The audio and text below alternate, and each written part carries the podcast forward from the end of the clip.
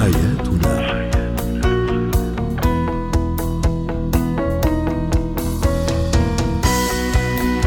أهلا بكم مستمعينا الكرام وعيد فطر مبارك عليكم. أعاده الله بالصحة والسلامة على الجميع. لقاء جديد وبرنامج حياتنا برنامجكم اليومي الذي يعنى بشؤون الأسرة وباقي الشؤون الحياتية الأخرى والذي يمكنكم الاستماع إليه عبر منصة البودكاست لسكاي نيوز عربية. معي أنا طيبة حميد. نتحدث اليوم عن التعامل بكفاءة مع القلق من بداية العلاقات العاطفية وكيف نهيئ الأطفال للاحتفال بالعيد في ظل أزمة كورونا. ونسلط الضوء أيضا على اتيكيت اختيار وتقديم الهدايا.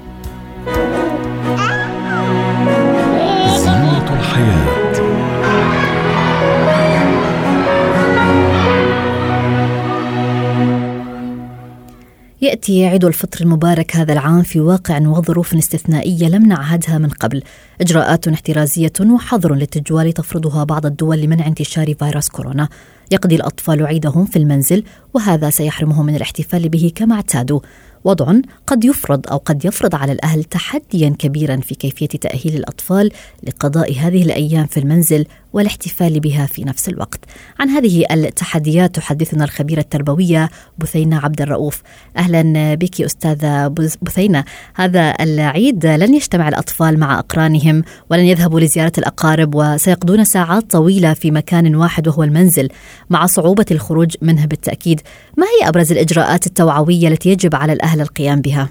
المفروض إن أنا أحاول آه، آه، أعد المنزل لاولادي في العيد بشكل مبهج. يعني إحنا عارفين مش هنقدر نخرج ولا هنقدر ناخد ولادنا مثلا لولاد خالتهم أو ولاد عمتهم أو أي مكان أو مش هنقدر نروح حدايق زي ما كنا بنعمل قبل كده. أول حاجة المفروض إن الأم تغير من آه، البيت وتحط بعض الديكوريشن اللي هي اللي يعني الزينة بعض البالونات آه، تحطها تعلقها للولاد آه، الأوضة بتاعتهم آه، لو هم عندهم أوضة خاصة بيهم لازم كلها تجيب مثلا فرش جديد عليه رسومات مبهجة للأطفال عليه ورود أزين الأوضة بشكل جميل. دي كلها هتدي إيحاء إن هناك تغيير في الواقع اللي هم عايشين فيه أو يعني المنزل. صحيح. حاجة تاني مهمة جدا إن أنا لازم آه يعني أتمنى تكون الأهالي استعدوا إنهم آه آه عشان إحنا داخلين على عيد ما فيهاش حاجة إن إحنا نقعد شوية قصاد التلفزيون أكتر. أنا أنزل أفلام كرتون اللي هي الجديدة ودي جميل. متاحة على على مواقع كثيرة جدا.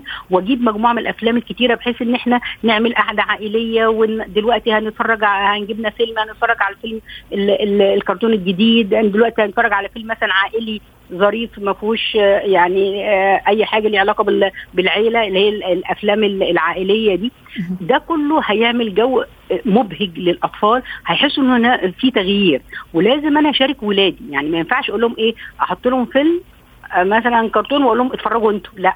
أنا عايزة كل الأسرة تقعد مع بعض وأنا أشارك ولادي في إن أنا أقعد معاهم أمام التلفزيون أو أمام آه شاشة الكمبيوتر لو عندي شاشة كمبيوتر كبيرة وهنتفرج على الفيلم آه اونلاين أو من جايباه من الإنترنت كلنا نقعد كأن إحنا فعلا سينما كلنا رايحين مع بعض السينما هل يجب أيضا أن نشارك الأطفال مثلا بتحضيرات العيد أيضا كصنع الحلويات وما إلى ذلك؟ آه طبعا. آه طبعا. يعني يعني مثلا أما آه، قبل ما نقعد نتفرج أقول لهم تعالوا نعمل فشار مثلا آه، آه، الذرة اللي هي بتعمل فشار تعالوا نعمل حاجة حلوة ناكلها وإحنا بنتفرج على الفيلم. عشان يحسوا انهم تعالوا نختار الفيلم سوا. نقعد مع بعض نختار الفيلم سوا اللي هنتفرج عليه. آه على فكرة ويلبسوا ملابس جديدة. يعني أنا أتمنى إن يكون كل الاهل حتى لو ما هذه نقطة مهمة أيضا. شرط إن أنا أشتري. آه يعني أنا أنا مش شرط أشتري ملابس جديدة لكن أنا ممكن أخلي ولادي يلبسوا الملابس اللي بيحبوها. أنت عارف كل طفل دايما بيبقى عنده آه، طقم بيحبه جدا أو مثلا تيشيرت بيحب يلبسه قوي أو البنت عندها فستان بتحبه جدا. يعني مش شرط يبقى جديد. فأنا أخلي ولادي يلبسوا اللبس اللي هم بيحبوه وإحنا قاعدين في البيت كأنهم خارجين بالظبط. فده كله بيغير mood الطفل. ومشاركتي معاهم وخلوهم كمان يشاركوني في كل حاجة ده هيغير ال mood بتاع البيت كله. هيبقى فيه جو من الفرحة وبيخرجنا شوية من ال ال الحياة التقليدية اللي إحنا عايشينها حتى فكره العيدية آه. أستاذة بثينه أيضا قد تعمل فرق مع الطفل صحيح؟ طبعا. فكره العيدية أو الهدايا أو الألعاب ما إلى ذلك. كان إحنا في العيد يعني كان أنا أنت في حضرتك في العيد كنت بتعملي إيه؟ كان مثلا بت... ب... ب... تقوموا الصبح بتدوا الأولاد عيدية وبعدين تاخدوهم وتنزلوا تزوروا الأقارب. صحيح. ده اللي كان بيحصل زمان؟ أو ننزل نخرج أو نروح مثلا شاطئ. أنا هعمل نفس الطقوس باستثناء إن أنا هخرج. يعني هيبقى ف... يعني أنا هقوم هدي العيدية ولو و... ما قدرتش أجيب هدايا مثلا للولاد. أو لعب عشان محلات في بعض الأماكن فيها محلات مغلقة. فأنا زي ما بقول لحضرتك كده إن أنا أعمل أكلة بيحبوها حاجة حلوة بيحبوها نعملها سوا ونقعد كلنا نخرج للصلاة لو البيت فيه جنينة. آه ممكن نعمل تغيير شوية لو البيت فيه جنينة مثلا أو أو ملحق بحديقة إن أنا أطلع شاشة تلفزيون للحديقة بحيث إن أنا يبقى فيه نقعد في الحديقة بدل ما نقعد طول النهار في البيت. طيب أستاذة بثينه آه باختصار بعمل تغيير يعني العيد بالتأكيد م. يعني الكثير للأطفال آه ولكن أيضا قد لا يتحملون فكرة البقاء في المنزل لساعات طويلة في حال شعر الطفل بالملل كيف يمكن أن نقضي على هذا الشعور؟ ما هو بص حضرتك هو لازم نقعد. هو ما ينفع لا يجب أن يكون هناك آه التزام بتعليمات الدول كلها.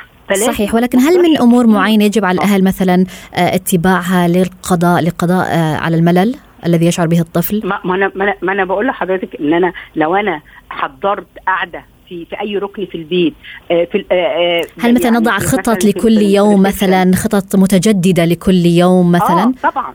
كل يوم أعمل قاعدة في مكان. يعني مثلا لو أنا لو أنا ما عنديش جنينة في البيت أو بيتي محدود أو شقتي محدودة لو أنا عندي إمكانية إن يبقى في مساحة أكبر هنزل يوم الجنينة هقعد يوم في الفرندا هقعد يوم في في الريسبشن. لكن لو أنا نفترض إن أنا عايش في مثلا برج والشقة محدودة هيبقى أنا النهارده هنقعد في الاوضه بتاعت الولاد وهنعملها قعده العيد النهارده وهنحط مثلا الألعاب وهنحط البلالين في الأوضة بكرة هن هنغير الأفلام وهنلعب جيمز مش ما أنا مش نعم. أنا ممكن ما مش شرط تكون في أفلام. أنا ممكن أجيب ألعاب وأقعد ألعب معاهم. على فكرة مش مش مشكلة خالص يعني إن أنا أقعد ألعب ألعب معاهم أشاركهم يحسوا إن في اختلاف حتى في علاقاتنا بيهم. آه النهارده هنقعد في الريسبشن نعم. آه آه مثلا هنقعد لو عندي آه فراندا النهارده هنقعد في ال في ال في البلكونة. ما أعرفش النظام آه في إيه في السكن يعني آه آه في الإمارات لكن أنا عارفة ان إن لازم هيبقى في بيوت مختلفة صحيح. ومستويات مختلفة في بيوت واسعة بيوت ضيقة بيوت فيها جنينة. فأنا أستغل الإمكانيات المتاحة بقدر الإمكان. وضحت الفكرة. شكرا لك على جميع هذه النصائح الخبيرة التربوية بثينة عبد الرؤوف. هو وهي.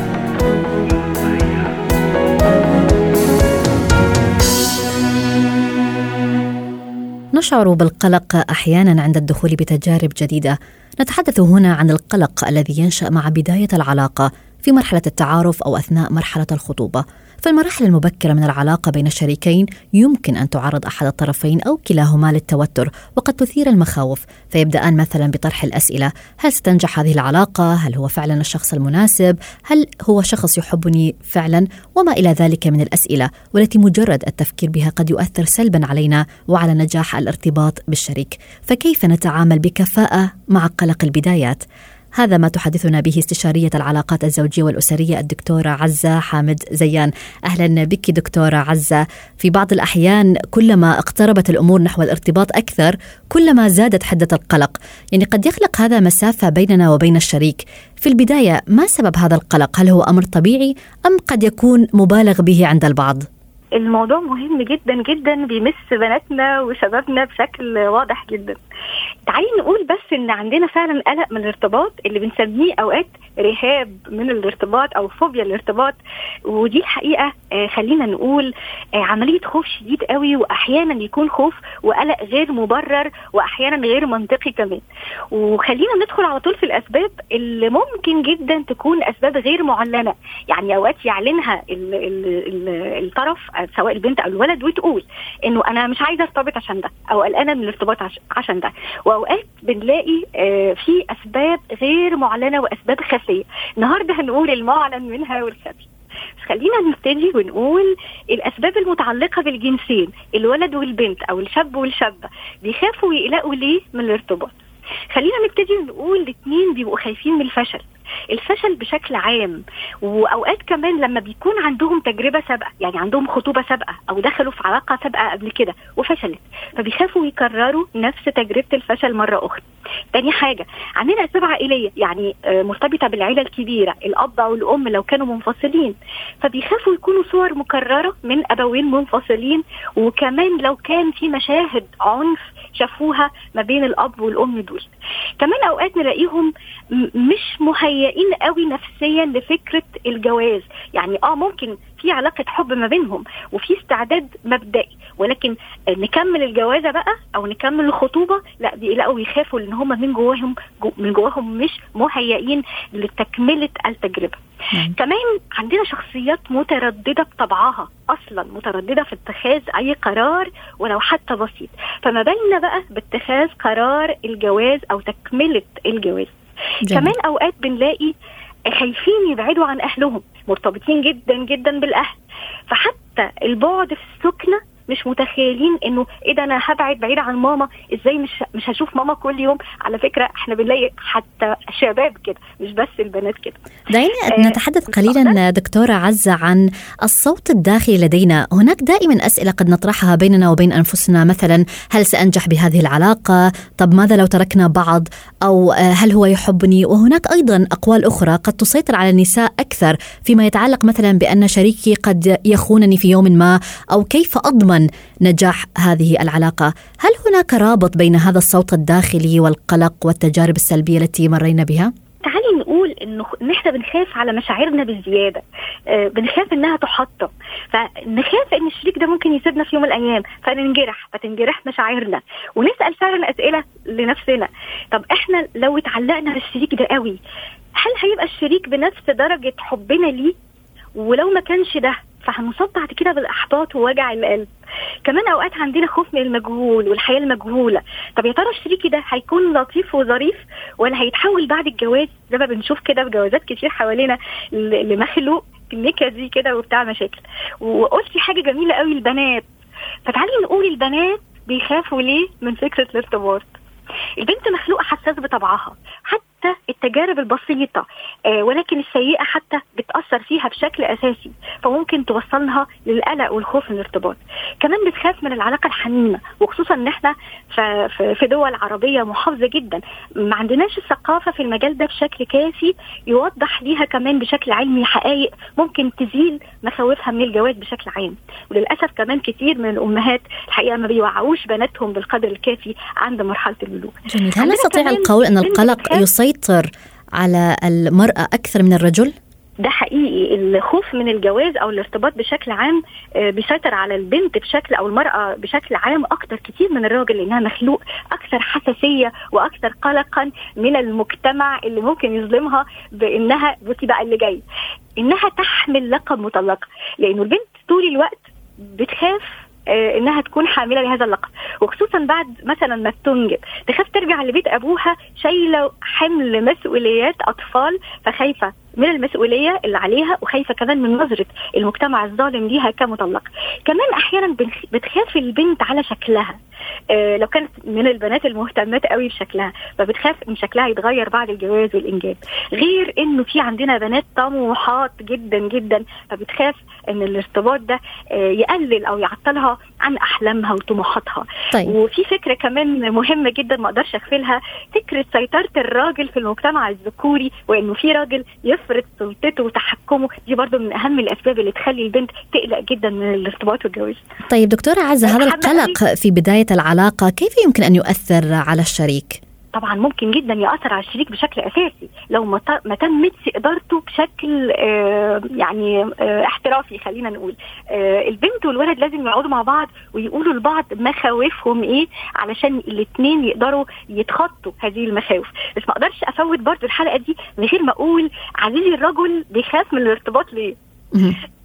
أوقات الرجل يخاف من الارتباط كده آه لأنه مش عايز يغير نمط حياته. يعني آه اتعود خلاص على الانطلاق من غير مناغص مع أصحابه. دي طقوس معينة مش عايز يغيرها؟ آه ما نقدرش برضو نغفل موضوع الاستعداد المادي وخصوصا إنه مطلوب منه حاجات كتير. كمان برضو ما أقدرش انكر ان في رجاله كتير عندهم ازمه ثقه في اخلاق بعض البنات اليومين دول وخصوصا بعد التباسط في العلاقات. آه سهل قوي إقامة علاقات وخصوصا على مجتمع الفيسبوك. آه نلاقي مكالمات أوقات فيديو كول مثلا. كل ده اصل لفكرة عدم الثقة اللي ممكن جدا يخلي بعض الرجالة آه يعني ما يشجعوش قوي فكرة الارتباط أو يكملوا الارتباط ويكون الارتباط ده كمان منغص عليهم طيب دكتورة عزة لضيق الوقت دعينا نتحدث عن طرق معينة لعلاج هذا التوتر أو القلق؟ هاجي بقى أول حاجة أحدد أنا قلقان ليه؟ قلقان من الجواز ليه؟ أو قلقان من الارتباط ليه؟ يعني إحنا مش عارفين آه مش عارفين إحنا ليه مش مش عايزين نكمل الارتباط. نعم.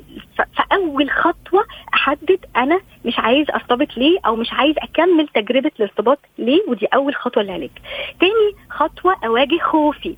وأناقش مع نفسي كده بهدوء وبمنطق أنا ليه خايف من الارتباط؟ نعم. آه، تالت حاجة أتكلم مع شريكي عن المخاوف دي لأنه خلي بالك أوقات المخاوف دي ما يكونش ليها أساس من الصحة أو يكون عند شريكي الحل أو أكون بس محتاجة منه إنه يطمني ويحتويني ويحسسني إنه السند والظهر.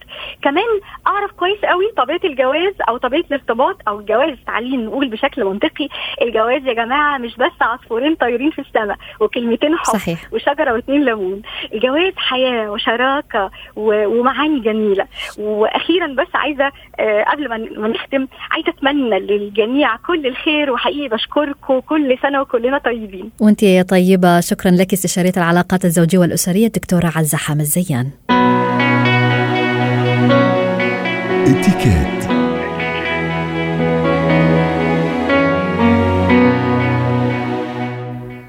نتحدث في هذه الفقرة عن عالم الهدايا خاصة نحن الآن بموسم الأعياد. هذا العالم يتميز بالكثير من التفاصيل التي يجب الاهتمام بها قبل التفكير بشراء الهدية. هناك من يجيد انتقاء الهدية فيجهد نفسه في البحث عنها لتعبر عنه وتناسب من تقدم له. وهناك من يشتري الهدية دون التفكير في رغبة الشخص الذي سيحصل عليها وقد يجلب الهدية بما يحب أن يهدى. والبعض قد يقف حائرا في كل مرة يقبل على شراء هدية لشخص ما ولا يعرف كيف يختار ما هو مناسب له. عن اتيكيت وفن اختيار وتقديم الهدايا تنضم لنا خبيرة الاتيكيت مارلين سلهب. أهلا بك أستاذة مارلين. يعني اختيار الهدية قد يؤرق الكثير منا وقد نقع في حيرة كيف نختار الهدية الجيدة وبحسب المناسبة وقرب الشخص لنا. هل هناك فعلا قواعد واتيكيت معين لاختيار وتقديم الهدايا؟ ما في شك إنه الهدية بحد ذاتها بتفرح. يعني بس نشوف الهدية. مشان هيك دائما نحن بنحكي بالهدية إنه لازم يكون كيف مغلفة قبل ما نعرف شو فيها جوا قد إيه لازم نهتم فيها. لأنه هي بمجرد نشوف هدية هيدا الشيء بفرح. بفرح للي أخذها صحيح. وبفرح للي رح يستلمها. بس نحن نقدر نفرح مزبوط الناس لازم ننتبه على ثلاث أشياء. اولا المكان اللي نحن رايحين عليه المناسبة المكان قصدي أقول إنه رايحين على بيت على مطعم هيدي قصدي المكان. المناسبة نحن رايحين نعيد أشخاص رايحين نزورهم بالبيت أم عزيمة غدا عزيمة عشاء وأهم شيء أهم شيء نتذكر قبل ما نشتري الهدية الشخص اللي نحن رح نقدم له هالهدية. لأنه بمجرد إني أعرف أولا كبير صغير بحب الميوزيك بحب بحب يقرأ بحب الكتب. هيدا بمجرد إني لخص شوي هالشخص اللي أنا رايحة أزوره أم رايحة لعنده على آآ آه، آآ آه، مناسبة معينة. هيدا بسهل لي كثير أنا كيف بدي أختار الهدية. جميل. هلأ إذا بدنا نحكي عن بدون إذا إيه؟ بدنا نحكي عن الضيافه تبع العيد تبع عيد الفطر نحن بنعرف إنه أغلبية الناس تاخذ أشياء مثل معمول مثل بقلاوه مثل شوكولا. بالعلم إنه صدقيني إنه الناس كلها بتحضر هالأشياء إذا معزومة على غداء أم على عشاء. من الأفضل نزيح عن هالأمور الكلاسيكية. بس برضو إذا حبينا ناخذها اولا يكون شكلها انيق هيدي أهم شيء. وإذا حابين نحن نعملها شخصيه نحن نغير العلبة مش نغير اسم المحل. يعني إذا نحن حابين ناخذ مثلا بقلاوة إنه ناخذ معنا نحن صحن نحن حابين نحطه فيه إذا مش حابين نشتريه من المحل ناخذ صحن للبائع وهو بصف لنا فيه وبضل اسمه موجود على هالعلم طب البعض قد يقع بحيرة من أمره هل يقدم هدية من نقود أم هدية عينية؟ هل هناك اتيكيت معين في ذلك؟ نعم في للصغار منيح اللي ذكرتيني الأفضل. الصغار دائما بحبوا انه يستلموا مصاري. هلا إذا كثير صغار بالسن الإتيكيت بتقول ما نعطيهم ابدا ورق. يعني آه ورق ما بيعرفوا قيمتها اما لبس الأكبر لما بيصير الولد آه مش ولد يعني في يقول ادوليسون مراهق. أم عمال لنا الأفضل نحطه بظرف والظرف لازم دائما يكون مفتوح. هيدا كثير بيسعد الناس وللحاجة انت بتعرفي. انه هن بحبوا يشتروا. هلأ بتعرفي بأغلبية كمان المحلات بعرف إنه هلأ كل المحلات مسكرة السنة. بس إنه بالمولات صار فينا نحن نحط اماونت معينة وهو بيشتري اللي بيريده. طيب باختصار يعني هل تختلف بشكل عام الهدايا التي تقدم في أعياد الميلاد أو في حفلات الزفاف أو التخرج؟ أكيد بتختلف أكيد لأنه هون نحن قلنا المناسبة اللي نحن رايحين عليها. نحن بدنا نعرف المناسبة إذا نحن رايحين على عيد الميلاد مش رح أقدم أنا لشخص مثل عامل مثلا هو آه، متخرج من من مثلا من آه، جامعته. يعني آه، هون بتختلف الهدية بتختلف قد إيش صار عمره بتختلف الشكل تبعه. على عيد الميلاد أكيد رح نقدم يمكن إشياء أكثر بتخص الزينة بتخص البارفان بتخص الثياب حسب الشخص. أما إذا متخرج هالولد يمكن أقدم له ستيلو يمكن أقدم له شيء بدي اعوزه اذا أنا حابة وإذا أنا عارفة شو رح يعمل هو بالمستقبل أكيد بتختلف. بس اسمحي لي أقول إنه تقديم الهدية هو شكل كثير مهم. أنا لما بقدم هدية بدي أقدمها اولا بالإيدتين بابتسامة لما بستقبل الهدية هون الاتيكيت بتلعب أكثر شيء لعبة لما نعم. أنا عندي ناس من الأفضل إذا ما كثير عندي ناس بدنا ننتبه برجع بقول للمناسبة إذا في كثير عالم وعندي حفلة كبيرة من الأفضل إنه نحن نشبك الهدية بكاخ صغير لأنه ما رح نفتح كل الهدايا جميل. أما إذا عندي بعض الأشخاص رح أفتح الهدية على السكت أول ما بفوت الزائر واشكره من القلب ويحس علي لو ما عجبتني الهديه يحس إني أنا بشكره لأنه هو تعذب. بس مش قدام الناس ما نعم. مفروض أنا احرج الناس اللي منهم جايبين هدية. شكرا لك على كل هذه التفاصيل خبيرة الإتيكيت مارلين سلهب. حياتنا.